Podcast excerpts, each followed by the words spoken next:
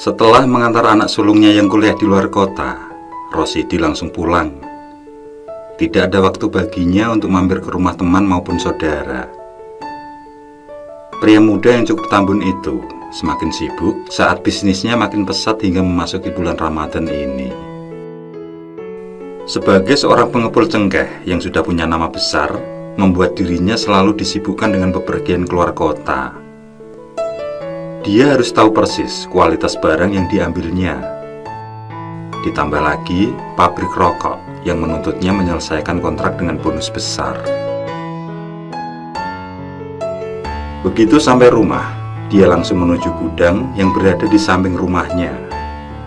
Menengok pekerjanya agar lebih cepat dan lebih teliti dalam menyortir cengkeh.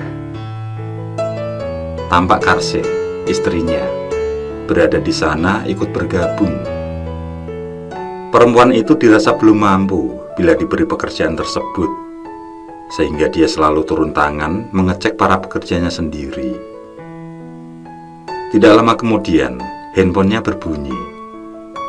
Dia pun keluar ruangan menuju teras sambil berbicara dengan penelepon. Sesekali terdengar tawa kerasnya. Baiklah, hari ini juga aku akan ke sana. Ucapnya diikuti kata salam dan menutup telepon. Dipanggilnya sang istri, lalu dia masuk ke dalam rumah, dipersiapkan tas yang diisi beberapa bendel uang tunai Karseh yang sudah menyusul langsung mendekat sambil berkata, Mbok istirahat sebentar toh Kang, biar puasanya tidak terganggu. Aku akan mengantarkan uang pada Pak Minto. Mungkin agak malam baru sampai rumah. Jadi nanti kamu berbuka puasa dulu saja dengan Vita. Katanya tanpa memandang sang istri. Setelah selesai dengan persiapannya, Rosidi keluar menuju mobil yang diparkir di teras rumah. Istrinya mengikuti hingga sampai depan pintu garasi. Mobil itu di starter, tapi beberapa kali dinyalakan selalu mati. Rosidi terus mencoba hingga akhirnya dia berpikir kalau mobilnya mogok. Aneh, tidak biasanya seperti ini. Dia turun dari mobil lalu menuju garasi dengan menyampirkan tas yang penuh uang di pundak kiri. Dengan sedikit tergesa, dia menuju motor yang baru dibelinya sekitar empat bulan yang lalu. Di double starter sepeda motor itu, tapi anehnya, sepeda motor itu juga tidak menyala. Dia turun, lalu menuju sepeda motor usangnya, sepeda motor yang sudah ikut berjuang bersamanya dalam berproses menjadi sukses seperti sekarang ini. Segera di starter motor itu, dan sekali sepakan, motor itu langsung menyala. Dia main-mainkan gas sebentar sambil memandang istrinya.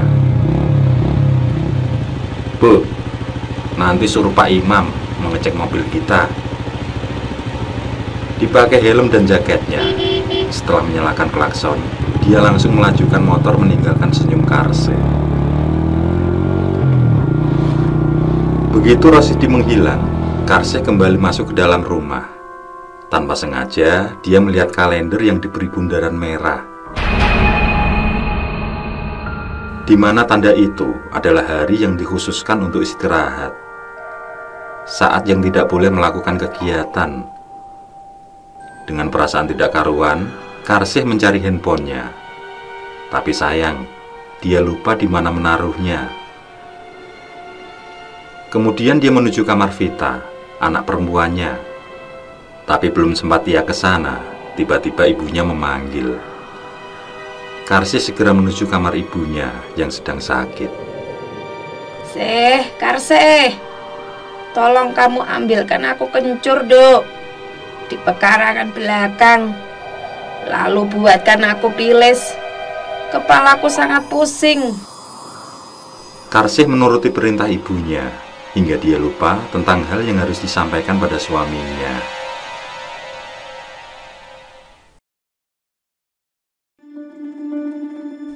Rosidi melaju di tengah terik matahari yang sudah mulai tinggi. Perjalanan yang cukup jauh itu dilewatinya dengan perut yang keroncongan dan tenggorokan kering. Hingga saat tiba di sebuah pasar tradisional, sifat buruknya yang jarang berpuasa kembali muncul. Dia pun mampir di salah satu warung, di mana kedua pintunya ditutup gorden, tanda untuk menghormati bagi yang menjalankan ibadah puasa agar tidak terganggu imannya. Bu, es teh satu. Ucap Rosidi sambil mencari menu yang pas untuk mengisi perutnya. Begitu es teh datang, dia langsung menghabiskan segelas minuman tersebut, lalu minta tambah lagi sambil memesan makanan. Warung itu tampak lengang, tidak ada satupun pengunjung selain dirinya. Saat Rosidi begitu lahap menikmati makan, dia dikejutkan dengan kemunculan bayangan ibunya. Sosok penting dalam kehidupannya yang hampir lima tahun lalu meninggal dunia. Perempuan itu seolah duduk agak jauh darinya dan terdiam sambil menatapnya dengan tajam. Seakan ingin memberi suatu peringatan yang penting. Mulai ada rasa gemetar dalam tubuh Rosidi. Dia pun bangkit, hendak mendekat. Tapi bayangan itu lenyap terlebih dahulu. Ada apa, Mas? Tanya pemilik warung ketika melihat Rosidi bangkit dengan wajah penuh ketegangan. Tidak ada apa-apa, Bu.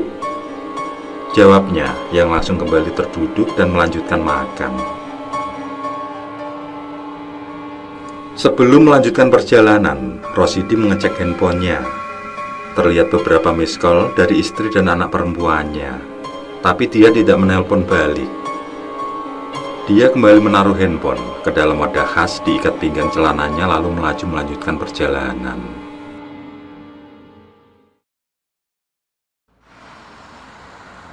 Lalu lalang kendaraan semakin ramai saat hari menjelang sore. Jalan lintas antar provinsi itu dipadati mobil-mobil angkutan berat, juga bis yang saling berebut kecepatan. Rosidi melaju di jalur motor dengan melaju cukup kencang dan tanpa dia sadari, bahaya itu datang dari belakang. Sebuah bis melaju kencang mengambil jalur motor. Klaksonnya terdengar mengagetkan. Rosidi langsung menyingkir menepi, tapi naas menimpa dirinya. Bis tersebut oleng dan menyerempet stang motornya. Seketika dia pun hilang keseimbangan dan membuang motornya ke parit jalan. Parit cukup dalam itu membuat Rosidi hilang kesadaran. Dia pingsan.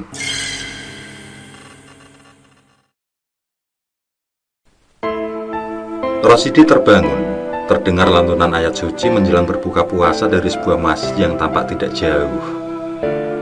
Dilihatnya sekitar, ternyata dia sudah berada di dalam ruangan rumah sakit. Diusap rambutnya dengan tangan kiri yang telah terpasang infus. Begitu dia tersadar sepenuhnya, dia terlihat bingung dan gelisah karena tas yang berisi uang juga handphonenya tidak ada. Dia berusaha bangkit. Rosidi mengadu saat kedua kakinya tidak mampu digerakkan sama sekali. Tidak lama kemudian, muncul Abdul, adik bungsunya yang diikuti Karsi dan anak perempuannya. Sampean itu tidak boleh gerak dulu loh, Kang. Di mana uang dan HP-ku? Rosidi bertanya penuh kecemasan. Pria itu lebih mementingkan hartanya daripada kondisi yang sedang dialami.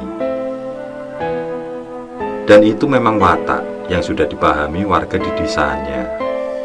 Pria yang terkenal pelit dengan omong besarnya. Tenang saja, aman, jawab Abdul yang kemudian disusul Karsia yang menceritakan di saat suaminya itu dalam keadaan tidak sadarkan diri. Di mana secara kebetulan melintas salah satu anggota kepolisian Satlantas. Polisi itu memanggil warga terdekat untuk membantu menolong dan mengangkat sepeda motor dari parit. Dan ternyata polisi itu mengenal Rosidi yang merupakan kemonakan dari tetangganya. Dia pernah bertemu berulang kali saat berkunjung ke rumah pamannya itu. Lalu polisi tersebut menelepon paman Rosidi yang kemudian memberitahu Abdul. Dan dari Abdul itulah anak istrinya mendapat kabar yang langsung menuju rumah sakit. Sebenarnya mereka merasa tenang saat melihat kondisi Rosidi yang hanya sedikit lecet di betis kirinya. Syukurlah kalau uangku tidak dijarah warga. Ucap Rosidi begitu istrinya selesai bercerita. Azan maghrib terdengar.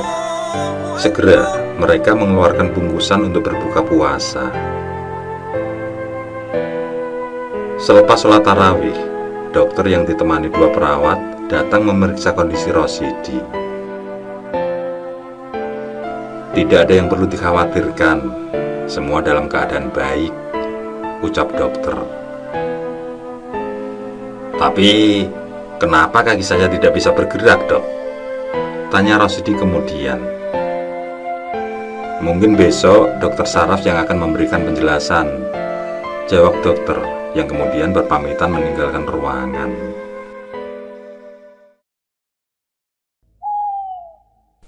Seminggu sudah Rosidi dirawat, tapi belum ada perubahan yang nampak. Semua dokter sudah melakukan tugasnya dengan baik mereka yakin bahwa tidak ada kerusakan tulang maupun jaringan saraf di tubuh Rosidi. Tapi yang membuat mereka keheranan adalah penyebab kelumpuhan yang membuat tubuh Rosidi mati separuh. Karena merasa tidak puas dengan tindakan rumah sakit, akhirnya Rosidi pindah ke rumah sakit yang lebih canggih penanganannya. Dia berharap di sana ada kejelasan tentang kelumpuhan yang dialami. Tapi setelah dilakukan pemeriksaan ulang, jawaban dokter di sana sama persis dengan rumah sakit sebelumnya. Tidak ada hal apa pun yang membuatnya mengalami kelumpuhan. Atas musyawarah keluarga, akhirnya Rosidi dibawa pulang untuk dilakukan pengobatan di luar medis. Nanti sore kita coba bawa ke tempat dokter Ella. Dokter tersebut sangat terkenal dalam menangani kasus penyakit saraf yang berat Ucap Abdul sambil menunggu pemberitahuan pihak rumah sakit untuk menyelesaikan administrasi. Semuanya terdiam pasrah. Terlihat raut muka pucat penuh penyesalan di wajah Rosidi. Dengan dibopong kedua adiknya, Rosidi dibawa masuk ke ruangan pemeriksaan dokter Ella. Diperiksa semua foto medik dari rumah sakit. Dokter itu juga mengatakan bahwa tidak ada kerusakan pada saraf Rosidi. Aku akan melakukan penyuntikan lewat kepala. Tapi suntikan itu harus terus berlanjut. Sementara satu minggu ke depan aku harus ke Jerman untuk menyelesaikan urusanku. Apa kalian akan kembali nantinya? Untuk menjaga agar sarafnya tidak terganggu, lebih baik jika pasien tidak terlalu banyak bergerak. Jadi saya sarankan untuk menginap di sekitar sini saja. Lanjut dokter Ella sambil memasang penguat leher untuk menjaga saraf tulang belakang. Pihak keluarga Rosidi menyetujui dan akan mencari tempat menginap terdekat untuk menunggu kepulangan sang dokter. Setelah diberikan resep, mereka segera keluar ruangan. Sambil menunggu obat, mereka kembali bermusyawarah untuk mencari tempat menginap. Pulang saja, tidak usah membuang uang dengan mencari penginapan di sini. Kita kembali begitu dokter Ella sudah praktek lagi, ucap Rosidi. Perdebatan sempat terjadi antara Rosidi dengan kedua adiknya, yang akhirnya kedua adiknya mengalah. Rosidi akan menunggu kepulangan dokter Ella dengan beristirahat di rumah. Dua hari kemudian, kedua adik Rosidi berkunjung ke rumahnya. Tapi betapa terkejut mereka saat tahu bahwa Rosidi sudah dibawa ke tempat pengobatan alternatif tanpa sepengetahuan mereka. Di sana, dia diharuskan menginap untuk dilakukan pemijitan setiap pagi dan sore hari. Pikiran kedua adik Rosidi tidak menentu, karena menurut mereka kakaknya itu seharusnya cukup beristirahat saja sambil menunggu kepulangan dokter Ella untuk kembali berobat di sana.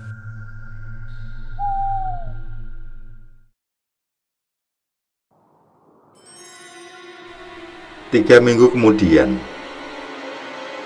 hari raya dilewati Rosidi dengan kondisi yang makin buruk selama berada di tempat pemisitan alternatif. Pantatnya muncul luka yang membusuk, yang terus melebar hingga terlihat tulang ekornya. Tampak kedua adik Rosidi terduduk di luar ruangan. Meskipun mereka tidak menyetujui kalau kakaknya dibawa ke tempat itu, tapi mereka tetap menjenguk setiap saat. Tempat pemijatan yang terdiri dari beberapa kamar dengan dua lantai itu begitu ramai para pengunjung berlalu lalang.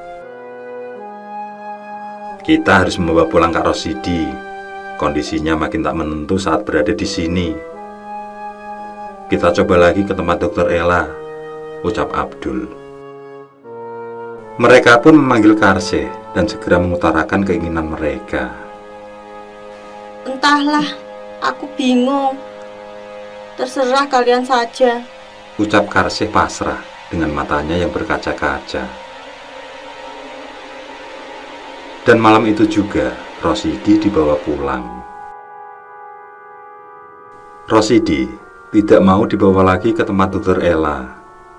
Ada rasa takut jika dokter itu memarahinya dia pun dibawa keluar kota di sebuah rumah sakit ortopedi.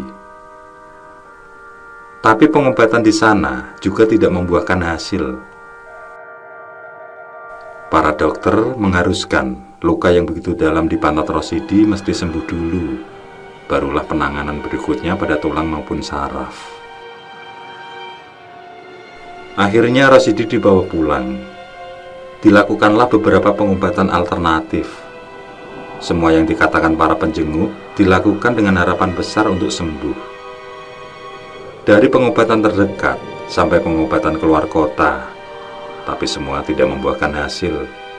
Tidak terlihat ada perubahan pada luka maupun kelumpuhannya. Sambil melakukan pengobatan, keluarga Rosidi memanggil seorang perawat untuk penyembuhan lukanya tapi tidak ada tanda luka itu membaik. Hingga akhirnya mereka melakukan perawatan sendiri. Membeli segala peralatan dan obat yang dibutuhkan. Dan dengan telaten, istri yang dibantu anak perempuannya melakukan pengobatan mandiri. Pengobatan terus berlanjut. Kini mereka menuju ke orang pintar sebagai sarana Dukun pertama yang didatangi menyuruhnya menjual beberapa lahan tanah yang dianggap membawa sial. Meskipun lahan itu baru beberapa bulan dibeli, tapi mereka tetap melakukan perintah orang pintar tersebut. Tapi tidak ada perubahan yang terjadi pada Rosidi. Sementara dukun lain memberi pagar rumah karena menurutnya penyakit yang diderita dilakukan oleh lawan bisnis mereka iri dengan Rosidi begitu melihat perkembangan hartanya yang pesat. Dan itu tidak hanya satu dukun. Beberapa dukun lain juga mengatakan hal yang sama yang membuat prasangka buruk pada beberapa lawan maupun rekan bisnis muncul. Tapi semua dukun itu juga tidak mampu merubah kondisi Rosidi. Tidak ada perubahan pada dirinya. dan semangat untuk sembuh kembali datang saat seorang menceritakan tentang adanya perukiah yang handal. Rosidi segera dibawa ke tempat tersebut. Dilakukannya rukiah itu sampai lima kali. Diisi tubuhnya dengan lantunan ayat Tuhan. Tapi Allah belum mengabulkan permintaan hambanya itu. Keadaan Rosidi tetap pada kelumpuhan dengan luka di pantatnya.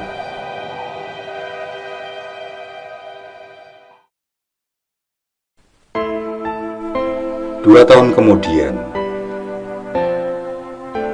Rosidi memandang langit-langit rumah, tampak putus asa terpancar di raut wajahnya. Terakhir, dia melakukan pengobatan akupuntur sesuai arahan bosnya. Tapi itu juga tidak membuahkan hasil. Dia mulai sadar dengan nasib yang dialaminya. Air matanya menetes mengiringi lenggingan ayat suci menuju berbuka puasa. Dia menyesal mengingat semua kelakuannya semasa sehat, keburukan sifat yang melekat, hingga seringnya dia marah pada mertua maupun ayahnya, termasuk ibunya yang sudah meninggal. Yang sangat disesalinya adalah hari di mana dia mengalami kecelakaan. Di mana hari itu merupakan hari yang sangat dihindari. Karena hari itu bertepatan dengan weton hari meninggalnya sang ibu. Hari itu adalah geblak ibunya. Yang seharusnya dia beristirahat tanpa melakukan aktivitas apa pun.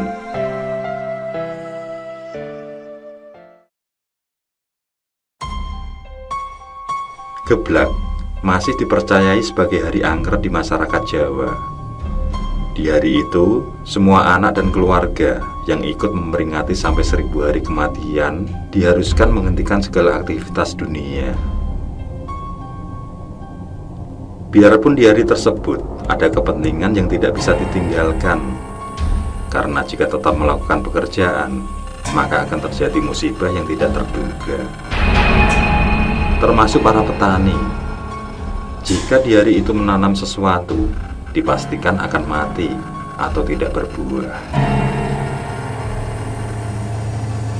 Memang, manusia diharuskan hanya percaya pada Sang Pencipta yang sudah menulis takdir. Tapi tetap saja, kepercayaan tentang geblak masih berlanjut. Sebagian orang sudah meninggalkan tradisi ini tapi kenyataannya berkata lain. Di hari geblak tersebut masih akan berlaku kesakralannya. Termasuk Rosidi yang percaya akan hal itu. Kenyataan yang menimpa dirinya adalah bukti yang terjadi.